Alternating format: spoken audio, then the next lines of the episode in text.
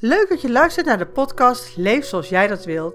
Deze podcast gaat over allerlei onderwerpen die te maken hebben met leven op je eigen voorwaarden.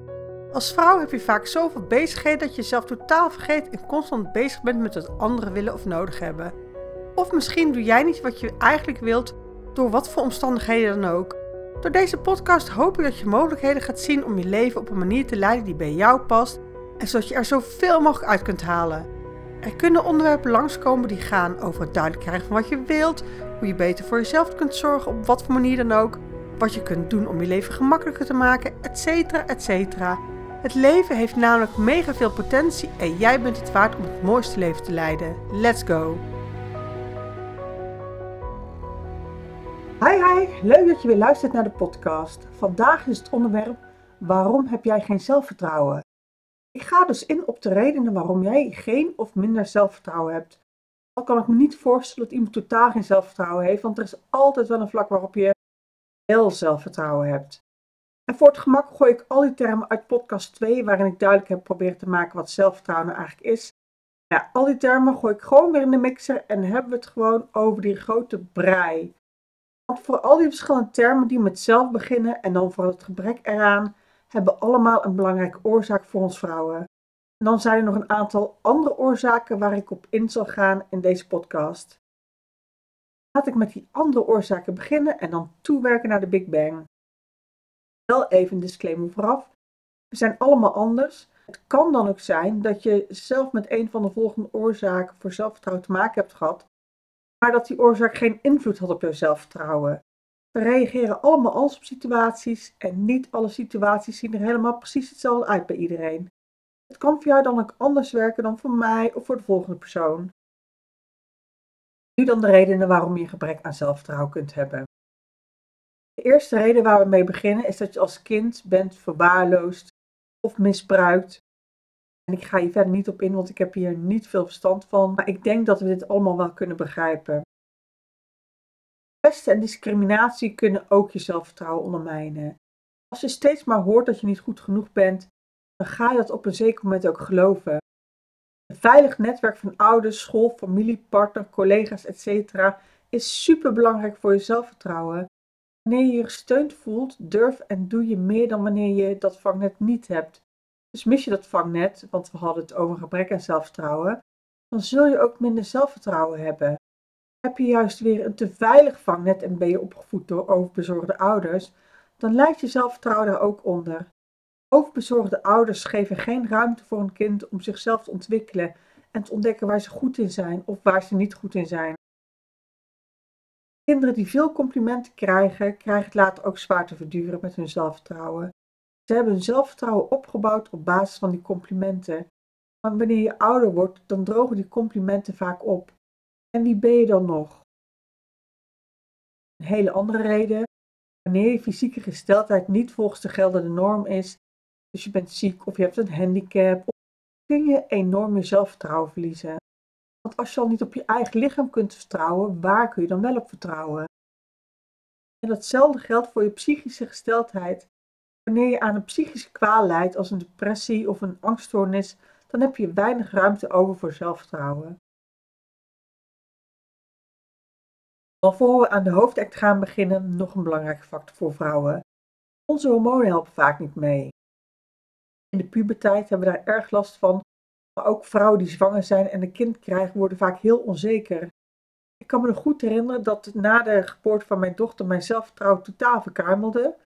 Het is natuurlijk een hele grote gebeurtenis en je kind heeft in het begin alle bescherming nodig. Dus alles in jou is erop gericht om het zo goed mogelijk te doen. Maar nu dan, dit zijn een aantal hele korte, korte weergaven van, van redenen voor gebrek aan zelfvertrouwen. En nu ga ik beginnen aan de hoofdact, de belangrijkste oorzaak een gebrek bij zelfvertrouwen bij vrouwen. En die ga ik veel uitgebreider behandelen. En wat is bij de meeste vrouwen dan de oorzaak een gebrek aan zelfvertrouwen?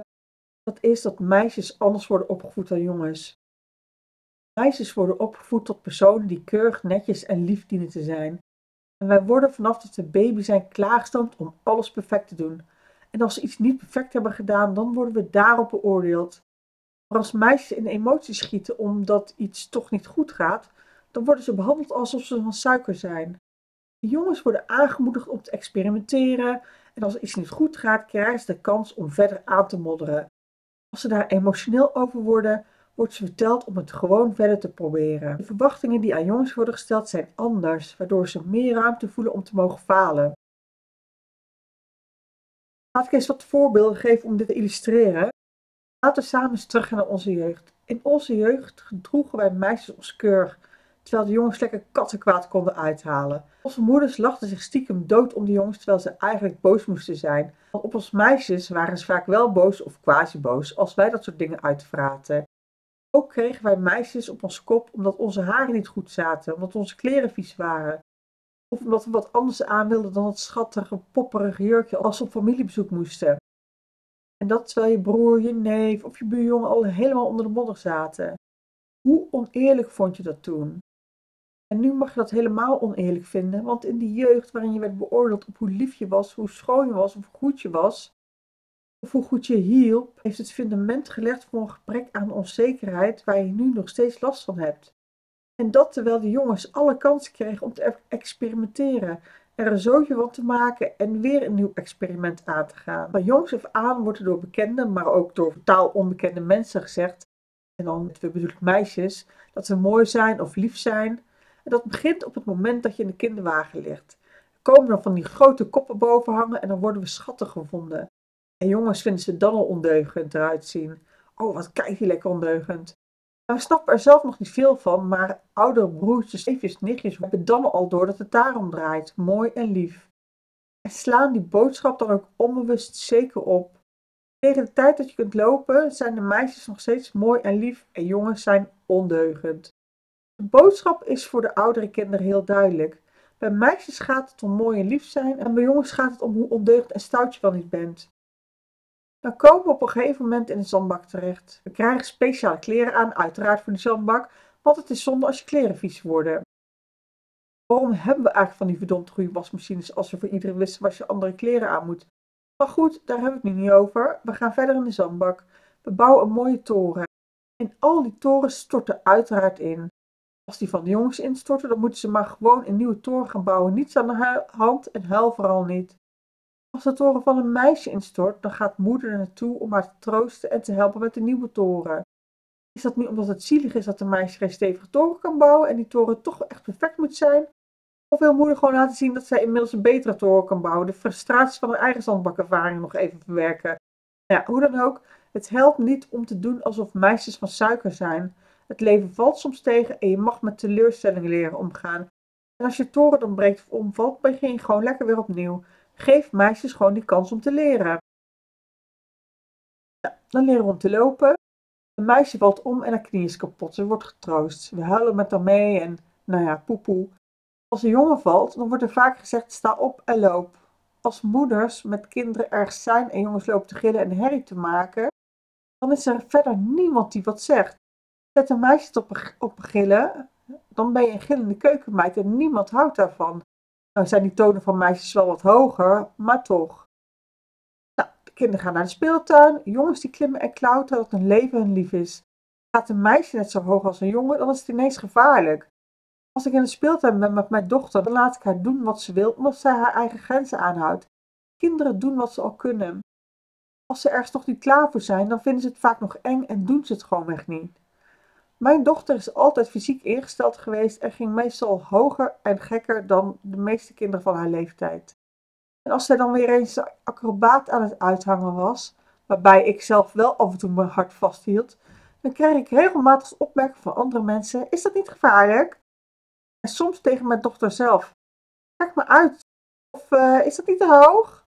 En wat ik bij jongens eigenlijk nooit hoor: Mag je wel zo hoog? Ga je niet vallen? Ga vooral niet je eigen angsten projecteren op een kind. Lees een meisje, want daarmee maak je kind bang en je beperkt het. Schiet nu ook een voorbeeld in mijn hoofd van een hele tijd geleden. In dit geval is het een voorbeeld met drie jongetjes, maar je zou in plaats van het derde jongetje een meisje kunnen invullen.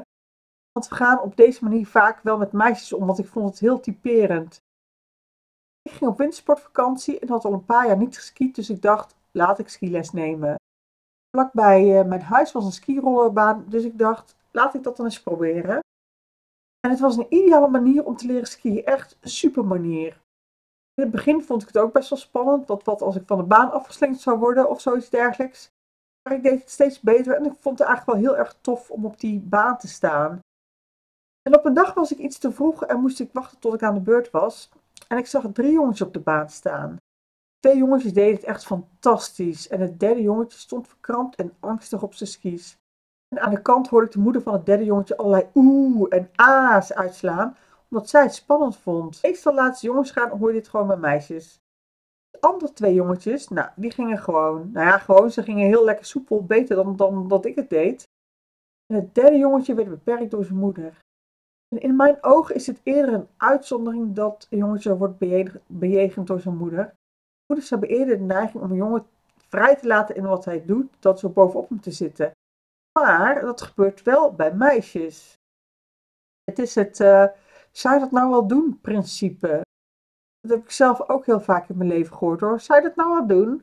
En tot voor kort speelde het ook nog regelmatig af in mijn eigen hoofd. Het stemmetje wat je van anderen overneemt, vreselijk. Oké, vanuit speeltijd naar schooltijd. De jongens halen me kattenkwaad uit. Ze knokken het liefst de hele dag met andere jongens. En soms zijn ze best hard tegen elkaar. En als het dan een keer net te hard gaat, dan zeggen we, dan krijg je ervan als je gaat stoeien. Meisjes stoeien niet zo snel met andere kinderen. Wel met hun eigen vader, met hun broers. Bij ons thuis ook. Dat gaat er ook aardig hard op. Meisjes gaan sneller bekvechten met anderen en komen dan klagen of uithuilen bij hun moeder. Meisjes worden getroost en er wordt gezegd: Nou, ga maar ergens anders spelen of roep mij maar. Een meisje wordt minder geholpen om opgewassen te zijn tegen problemen. Jongens zeggen ook de gekste dingen tegen elkaar. Kijk ook eens naar de TikTok-filmpjes waar jongens iets zeggen waar ze eigenlijk nog veel te klein voor zijn. Waarbij hun vader of moeder hun lachen amper of niet kunnen inhouden. Ik zal ze maar niet herhalen, want mijn podcast ook nog verwijderd door alle taal die ik uitsla. Jongens zeggen van alles tegen elkaar en zijn het direct vergeten. Meisjes trekken het zich wel aan als iemand iets vervelends zegt. Ze trekken het zich persoonlijk aan, ze trekken alles persoonlijk aan alsof het echt is wat de ander zegt. En dan komen ze naar je toe om alles uitgebreid te vertellen. En wat zeggen we dan? Luister er maar niet naar. Maar verder zeggen we niet van, hey, kom eens voor, voor jezelf op. Of, of we geven ze tools om daarmee om te gaan. Nee. Of we zeggen, hè, als we meisjes zoiets tegen elkaar horen zeggen van, nee, dat zeg je toch niet of zo. Maar we hebben dus andere grenzen voor jongens en meisjes. Jongens zijn op school ook anders dan meisjes. Het volgende wil ik niet zeggen dat dit op iedere school zo werkt en bij iedere jongen of iedere meisje. Maar over het algemeen werkt het wel zo.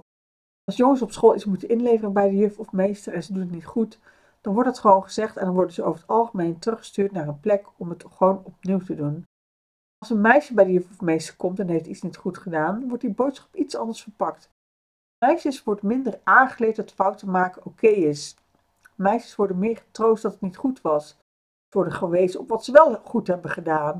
En dan wordt er voorzichtig gedaan over wat niet goed was. Jongens leren dus experimenteren en meisjes leren vooral dat het niet perfect was en dus niet goed. En dan krijgen ze veel troost.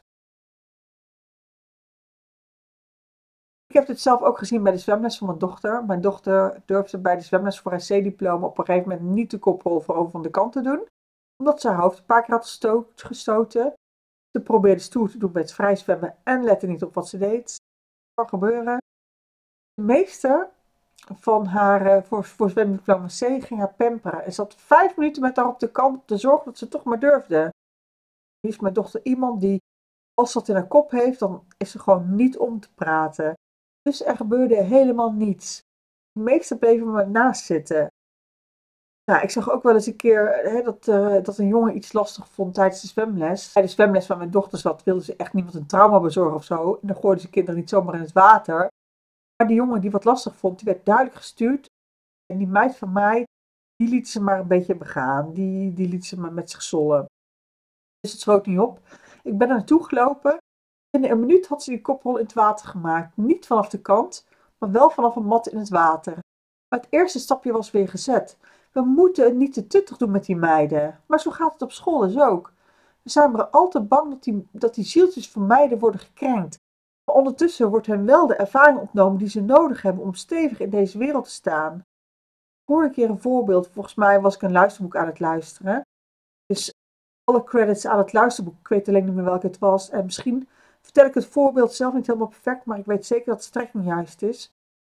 De lerares gaf een huiswerkopdracht aan haar klas. En toen het tijd was om de opdracht in te leveren, had ze van de meeste jongens een halve opdracht binnen, of een opdracht die niet zo goed gemaakt was. En van een aantal meisjes had ze de opdracht helemaal niet ontvangen. En wat was de reden? Dat is het gaan navragen. Niet dat die meisjes de opdracht niet konden maken, ook niet dat het te veel was. Nee, ze waren bang dat het niet goed genoeg was. En toen de lerares de kinderen vroeg om alsnog in te leveren wat ze al hadden, bleek dat ze de opdracht beter hadden gemaakt dan de jongens. Het is ook allemaal niet zo gek. Meisjes worden aangemoedigd om dingen te doen waar we goed in zijn. Waarvan we dus weten dat we al kunnen en worden gedemotiveerd om dingen te doen waar we niet goed in zijn of die we nog nooit gedaan hebben. Terwijl jongens juist worden aangemoedigd om lekker te experimenteren. Ze worden avontuurlijk opgevoed, ze krijgen minder regels mee, ze krijgen een opdracht mee en niet precies de hoe van het uitvoeren ervan. Wanneer jongens aan iets nieuws beginnen, worden ze meer geprezen en gestimuleerd op het proces.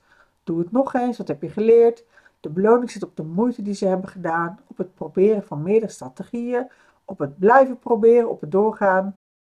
Meisjes worden meer op het eindresultaat afgerekend. Ze hebben het goed gedaan of ze hebben het niet goed gedaan. We zijn bang dat we beoordeeld en veroordeeld worden, dat we voor schut staan, dat we het fout hebben, dat we afgewezen worden of ontslagen of, nou ja, noem maar op. We houden ons in, bewust of onbewust, om schaamte, pijn, vernedering te voorkomen.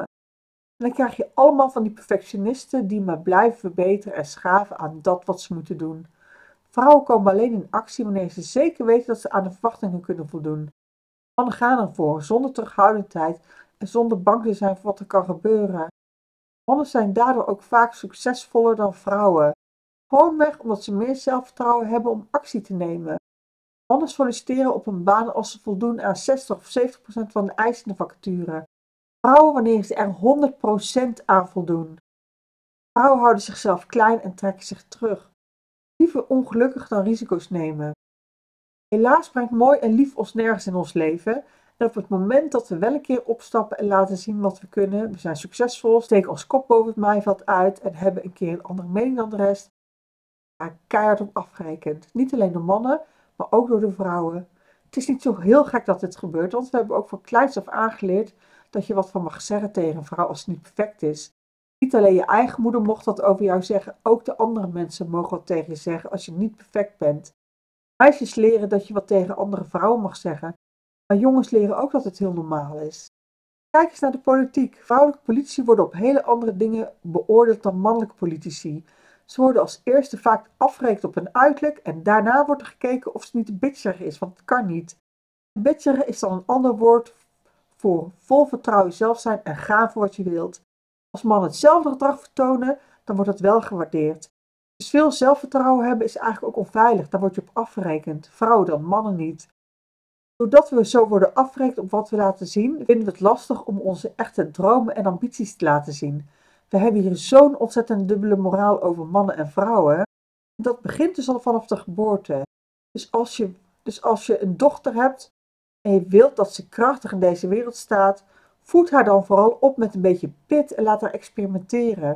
Voed haar op zoals je een jongen zou opvoeden. Laat haar keihard op haar bek gaan, dat verdient ze, want ze mag fouten maken. En ook voor jouzelf is het nog niet te laat. Je kunt dit nog omturnen en anders in deze wedstrijd gaan staan. Je wedstrijd van je leven. Om te zorgen dat je een enorm succes maakt van, van wat je dan ook doet. Zo, dat was een heel betoog. Dus ik heb het hier en daar wellicht wat gechargeerd aangegeven. Dit is wel waar het om draait. Hier zit de kern in. Misschien had ik het subtieler kunnen doen, maar ehm, het belangrijkste is dat de boodschap overkomt. En ik merk dat ik heel veel tijd en aandacht heb besteed aan onze opvoeding. Dat wij vrouwen anders zijn opgevoed, hoeven niemand kwalijk te nemen. Of beter gezegd, dat kunnen we niemand kwalijk nemen. Het zit al zo lang in onze cultuur, onze maatschappij. Maar nu zijn we in een tijd aangeland waarin we in staat zijn om verandering aan te brengen. We kunnen niets meer aan onze opvoeding doen, wel aan die van onze kinderen. En we hoeven ook niet boos te worden op mannen dat zij meer kansen krijgen meer kansen pakken. Nee, we mogen nu zelf onze kansen creëren en deze ook pakken. Zelf onze verantwoordelijkheid nemen, want in deze tijd kan dat. Dat betekent ook werken aan je zelfvertrouwen en actie nemen ondanks een gebrek aan zelfvertrouwen. Er waren heel wat redenen voor een gebrek aan zelfvertrouwen. Je kunt vast nog meer redenen verzinnen. Een aantal daarvan vloeien waarschijnlijk voort uit de redenen die ik heb opgesomd. En een aantal redenen heb ik vast niet opgenoemd. Maar ik hoop dat dit een goed beeld geeft en dat het je wellicht weer verder kan helpen richting meer zelfvertrouwen, zoals dat vaak bij inzicht werkt. Bedankt voor het luisteren. Ik hoop dat deze podcast je vooruit heeft geholpen op wat voor manier dan ook. Ik maak deze podcast voor jou. Dus mocht je vragen of opmerkingen hebben naar aanleiding van deze podcast, of wil je meer weten over een bepaald onderwerp, dan kun je me altijd een mail of DM sturen. Je vindt de gegevens in de show notes onder de podcast. Tot de volgende podcast. Toedeloe!